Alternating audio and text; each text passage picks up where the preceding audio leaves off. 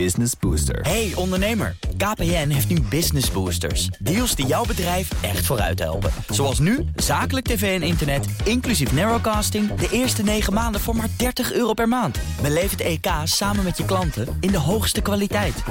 Kijk op kpn.com slash businessbooster. Business Booster. De BNR Techniek Tour wordt mede mogelijk gemaakt door Techniek Nederland. De makers van morgen. BNR Nieuwsradio. De BNR Techniek Tour. Thomas Schuurman.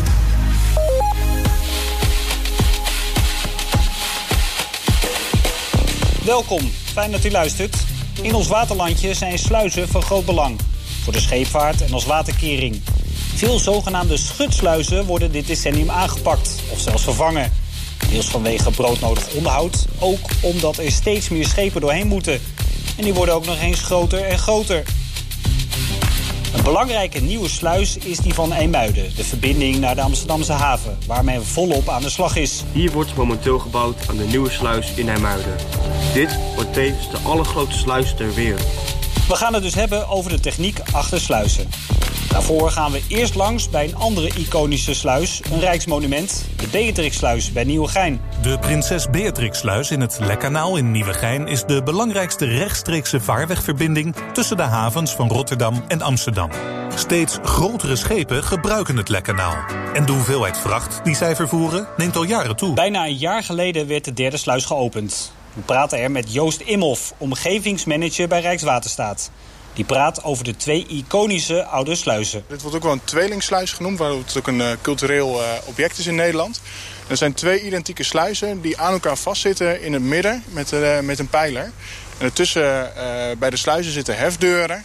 En die hefdeuren gaan dan open en neer waar de scheepvaart er doorheen kan varen. Ja, want we zien er eentje naar beneden gaan. Straks gaat er hier ook voor ons eentje open, want er ligt nu een schip in. Wat gebeurt hier precies?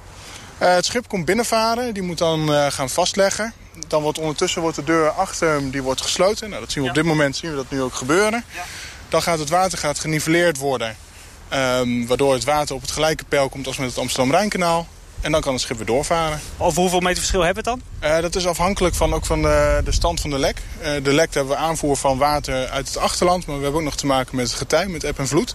Dus het is varia variërend. Voor de duidelijkheid, de schepen komen, nou, laten we zeggen, van de richting Lek, Lekkanaal naar het Amsterdam-Rijnkanaal. Of andersom uiteraard. Hoe snel gaat zoiets? Dat is ook afhankelijk van hoe groot het verschil is. Maar we hebben het dan over minuten. En om hoeveel schepen gaat het nu eigenlijk jaarlijks? Uh, er gaan meer dan 50.000 schepen per jaar door de Beatrixsluis. En toch vonden jullie het nodig om er nog een derde bij te doen, hè? Ja, klopt. We hebben vooral gekeken, er komen niet per se heel veel meer schepen bij... maar je ziet dat er heel veel grotere schepen bij komen. Waarbij we vroeger schepen hadden van nou, 40 meter toen de sluis werd aangelegd... zie je dat er nu schepen van 135 meter komen. En die moeten allemaal geschud worden. Waarbij er in de oude kolken 40 meter schepen er meerdere in kunnen. Kan er met Schut is dat nivelleren, hè? Ja, en met de grote schepen, dan kan er maar één tegelijk in. Er zijn, uh, de kolk is 18 meter breed.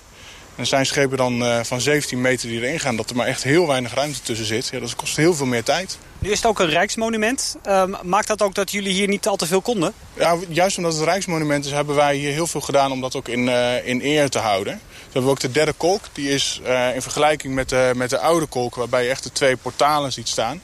hebben juist dat als een snede in het landschap neergelegd waarbij hij eigenlijk niet het, het afbreuk zou doen aan het zicht op de oude monumentale sluizen. De derde kolk werd eerder dit jaar feestelijk geopend door prinses Beatrix. Hierbij verklaren de derde kolk tot open. Nou, we zijn hier in uh, Nieuwegein uh, bij de Beatrixsluis. En er is vandaag een, uh, een bredere, langere, diepere kolk bijgekomen. de derde kolk. en dat is een heel mooi moment om met elkaar te vieren. Zo zijn we even naar die nieuwe gegaan, de nieuwe sluis. Um, toch maar eventjes de cijfertjes. Is deze veel langer, veel breder? Uh, deze is wel langer als breder. De kolk heeft een minimale lengte van 276 meter en maximaal van 300 meter. En deze is 25 meter breed. Ja, dat is dus wel echt aanzienlijk meer dan de vorige. Ja, dat klopt. Die deuren die zijn ook niet hetzelfde. Althans, de sluiswerking is ook anders. Uh, klopt. Waarbij we bij de oude sluis hefdeuren hebben, hebben we hier roldeuren. Deze deuren rijden als, gewoon als een soort schuifdeuren de sluis in en uit. Het feit dat dat andere deuren zijn, maakt dat eigenlijk nog uit? Of ja, gaat het er gewoon om dat ze open en dicht gaan? Ja, het maakt uh, wel degelijk uit. We met het ontwerp hebben ook, uh, is het ook gekeken naar van hoe kunnen we dit aanleggen... dat het onderhoud zo min mogelijk is en dat de beschikbaarheid eigenlijk zo hoog mogelijk is. Dus we zien ook dat hier de deuren dubbel zijn uitgevoerd. Dat is ook het verschil waarom de ene keer de sluis 276 meter kan zijn... en de andere keer 300 meter. Is dat we verschillende deuren hebben. Dus stel, er gaat een deur uh, in storing of er is onderhoud nodig... dan werkt altijd nog de andere deur waardoor de sluis gewoon beschikbaar blijft voor de scheepvaart. Jullie hadden dus al twee sluizen, er is een derde bijgekomen. Had je ook zomaar de ruimte om die derde hier aan te kunnen leggen? Uh, we hebben daarvoor ook het uh, lekkanaal moeten verbreden. En uh, onderdeel van de verbreding, of in de ruimte waar de verbreding zit... zat ook, zaten ook objecten van de Nieuwe Hollandse Waterlinie. Dat zijn kazematten tot wel anderhalf miljoen kilo. Sorry, wat? Anderhalf miljoen kilo. Maar hoe heet die dingen? Kazematten van anderhalf miljoen kilo. Dat wat zijn dat? Dat zijn grote, ja, het zijn gewoon bunkers. En die hebben met hele grote machines opgetild en verplaatst en weer in het landschap uh, neergelegd. Nu hebben jullie de afgelopen periode ook nog nadrukkelijk getest. Die waren net afgerond, begreep ik. Wat, wat hebben jullie dan de laatste weken zeg maar gedaan? Voordat wij uh, sluiskolken weer helemaal uh, in gebruik nemen... voordat het ook het hele systeem integraal gebruikt kan gaan worden... voeren we heel veel testen uit. We hebben meer dan 20.000 testen gedaan. Dan testen we alles, of alles goed werkt, of alles goed loopt... of alles werkt gewoon zoals het moet werken. En dat willen we heel zeker zijn. En dat doen we ook gewoon grondig. Zes schepen liggen te wachten na een kwartiertje kunnen ze los. Lek op. Wat wel een heel groot verschil is, wat je ook hier uh, goed kan zien... is dat de deuren wel heel veel groter zijn dan de oude deuren. Uh, deze zijn stalen deuren van 490.000 kilo. Dat is lekker. Kijk je naar de oude sluisdeuren, die zijn 166.000 kilo. Factor 3. Dat is wel een heel stuk groter, ja. ja. Wat ook kan uh, in deze sluis, is als we met de buitenste sluisdeur schutten... dan kunnen we twee keer schepen van 135 meter in, dit, in deze kolk. Dat noemen we schutten XL. En dat is voor de scheepvaart wel heel fijn. Ja, dat gaat lekker snel. Misschien een gek vraagje hoor, maar is het lastig voor die schippers om die, ja, die, die lange dingen recht erin te krijgen? Want ja, het is enorm lang en breed, maar voor hun is het natuurlijk manoeuvreren in de kleine ruimte. Ik, ik vind het heel knap dat ze het kunnen. Ik zou het zelf niet kunnen. Dank Joost Imhof, omgevingsmanager bij Rijkswaterstaat. De Beatrixsluis is niet het enige zogenaamde natte kunstwerk... dat door de komst van grotere schepen een extra kool krijgt. Ook bij Eefde, vlakbij Zutphen, waar het Twentekanaal begint... hopen ze begin volgend jaar een bredere kolk te openen. Naast mij staat Paul Schaap. U bent verantwoordelijk voor een nieuwe sluis hier in Nederland. Een unieke sluis ook. Wat maakt hem zo bijzonder? Nou, wat hem bijzonder maakt is in ieder geval dat we voor het eerst in Nederland op deze schaal een segmentdeur toepassen. Segmentdeur, hè? want daar gaat het om. Ja, dat is echt iets uh, wat we in Nederland nog niet kennen. En dat is een uh, deur die onder water verdwijnt. Uh, en waar de schepen overheen moeten varen. Ja, en we zien hem hier, want hij is in aanbouw. Althans, ja, de sluis is nog niet open. Kunt u toch even uitleggen hoe het werkt? Ja, het is eigenlijk gewoon een halfronde schijf die omhoog komt uit het water. Het water tegenhoudt en bij het openen van de sluis onder water verdwijnt. Aangestuurd door een uh, hybride cilinder, een uh, hydraulisch elektromechanische cilinder. Er zit een soort hefboom aan ja. bij. Ja, het is gewoon, uh, hij wordt onder water geduwd door een in principe hydraulische cilinder. en we doen, duwen hem eerst een klein stukje open. Dan gaat het water eronder langs stromen. En als het water op... De kolk in? Ja, de kolk in. Bij gelijk niveau duwen we hem helemaal onder water. Gaan de lichten op groen en dan mag het schip er overheen varen. Die plaat gaat dus helemaal naar beneden. Is van staal neem ik aan? Ja, is gewoon staal, geconserveerd staal. Is uh, van binnen uh, uh, is afgekit, of tenminste is dichtgezet. En heeft een drijvend vermogen. Er zitten gewoon luchtkamers in. Bestaat uit meerdere compartimenten bij een aanvaring dat hij niet gelijk lekt. Maar dat hij in stukjes... Best handig. Dat is best handig. Ja, dat is absoluut handig. En als we hier even de kolk inkijken, hè, die dus in aanbouw is... dan gaat hij dus een stukje naar beneden. Maar ik moet behoorlijk ver naar beneden kijken... om uiteindelijk uh, tot het niveau van de IJssel te komen. Is dit dan wel de oplossing? Ja, dit, wij denken dat dit de oplossing is. Je hebt hier een heel groot uh, hoogteverschil in water tussen het kanaal en de IJssel. Ja. Hoe hoog? Uh, ja, dat is natuurlijk een beetje afhankelijk van waterstand IJssel. Maar de waterstand IJssel gemiddeld is een, maar 2,5 meter. En het kanaal ligt altijd op 10 meter NAP. Ja. Ja. Dus dat is een behoorlijk, uh, behoorlijk gat. Je moet hier dus ook niet uh, gaan invallen. Waarom heeft u eigenlijk voor die segmentdeur gekozen? Want ja, normaal zien we dus hele andere deuren. Puntdeuren hebben we gezien. waarom kiest u voor, voor dit type sluis? voor dit type deur kiezen wij eigenlijk omdat wij hebben ook 27 jaar onderhoud bij het contract in, zeg maar. Dat is nieuw geloof ik, hè? Althans, dat is iets wat er tegenwoordig bij komt. Ja. Je maakt hem niet alleen, maar je moet hem ook onderhouden. Je moet hem onderhouden en garant staan voor de beschikbaarheid. Hè. Dus wij hebben bepaalde beschikbaarheidsgetallen in het contract staan hoeveel procent van de tijd hij beschikbaar is. En uh, in principe heb je hier maar één aandrijving voor nodig. Je hebt gewoon minder componenten nodig dan bij een traditionele deur. En over 27 jaar denken wij dat dat uh, voordelen heeft. Maar in aanvang is hij wel een uh, tandje duurder? Nou ja, ook omdat het de eerste keer is. Hè. Ik bedoel, als je iets nieuws maakt, dan heb je altijd wat aan kosten die je eenmalig maakt.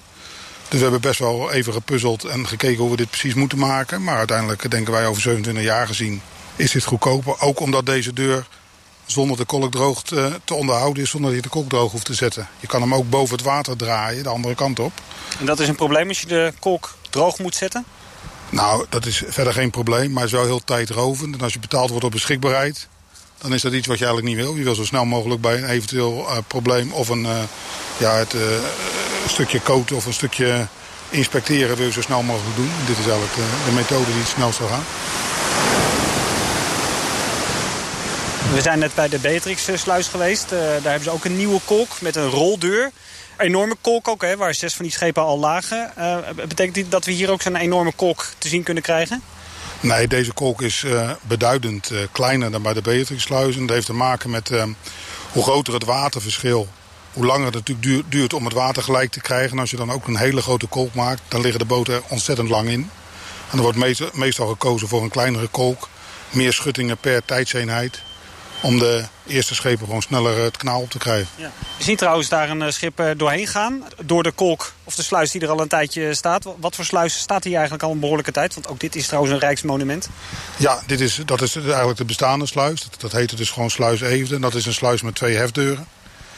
En, een klassieke eigenlijk. Een klassieke sluis. Uh, 1930, ongeveer 33 open gegaan. 1930 begonnen met bouwen.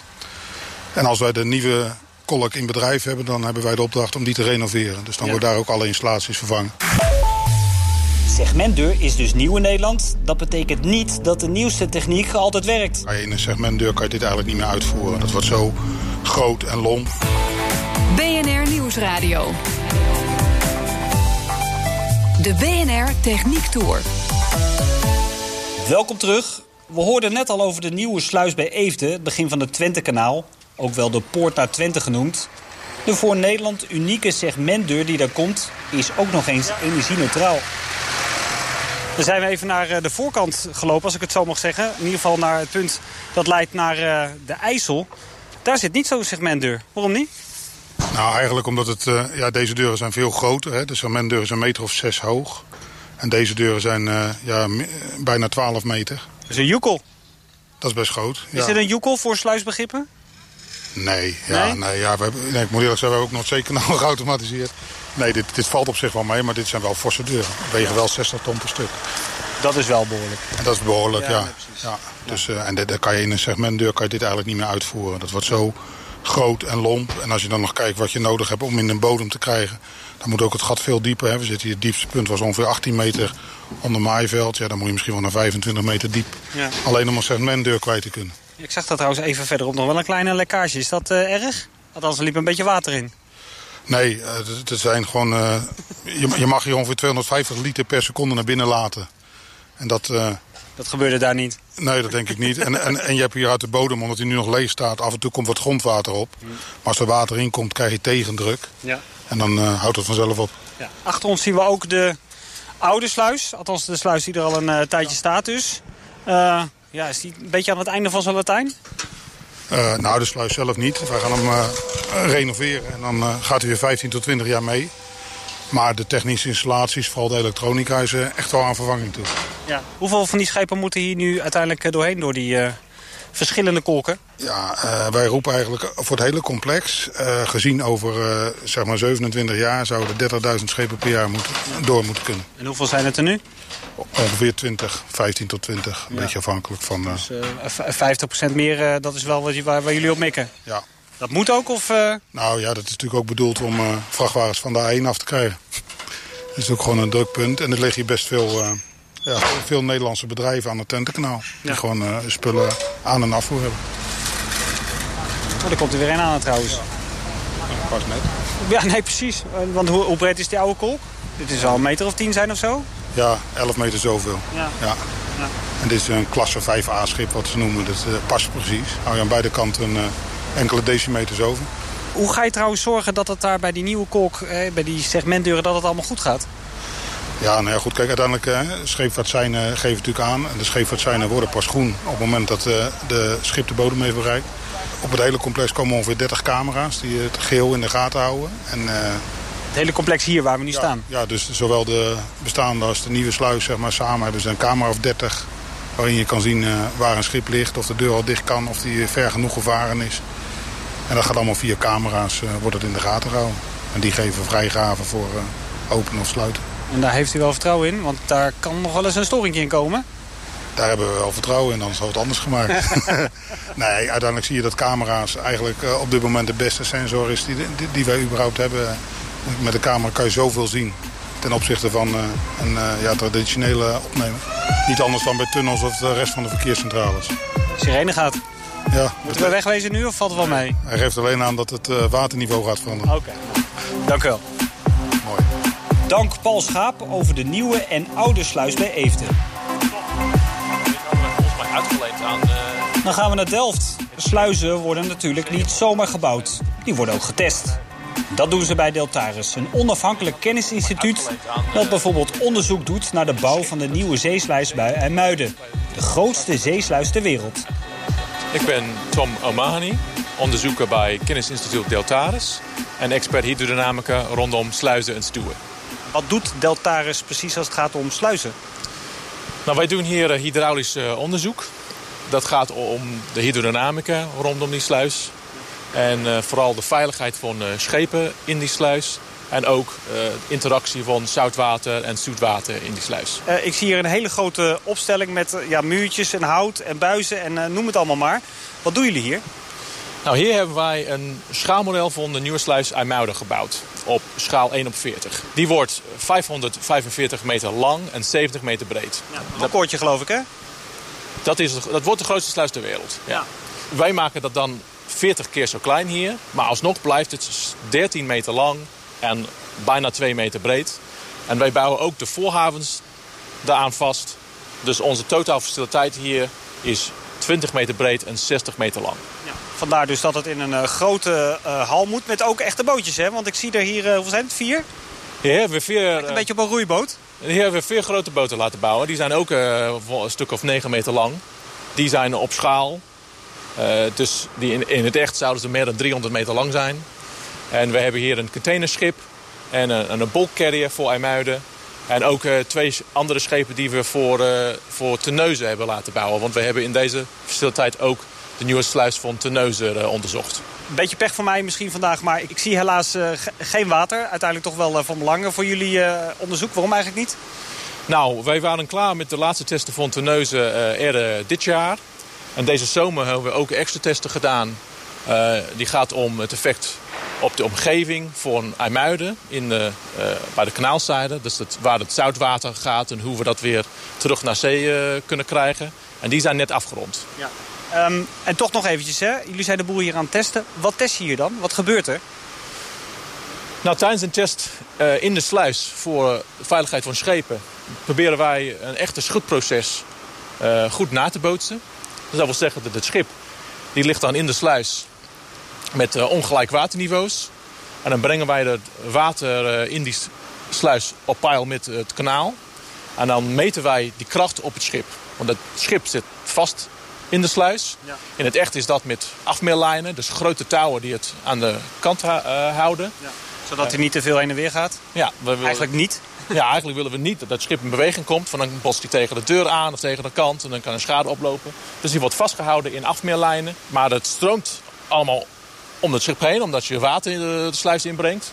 En dat brengt een kracht op het schip. Dat uh, wordt uh, heen en weer getrokken.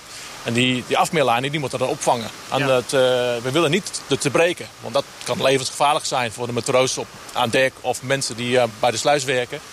Maar we willen wel dat dat water zo snel mogelijk de, de sluis inkomt. Want we willen zo snel mogelijk de deur open doen, zodat het schip kan wegvaren. Dus dan proberen wij afweging te maken tussen vlot en veilig. We willen het zo snel mogelijk doen. Maar het moet wel veilig blijven. En dat is een klassiek afweging tussen tegenstrijdige doelen... waar ingenieurs vaak uh, ons mee bezighouden. Ja. Waarom niet gewoon een computermodel? Nou, we doen veel met computers.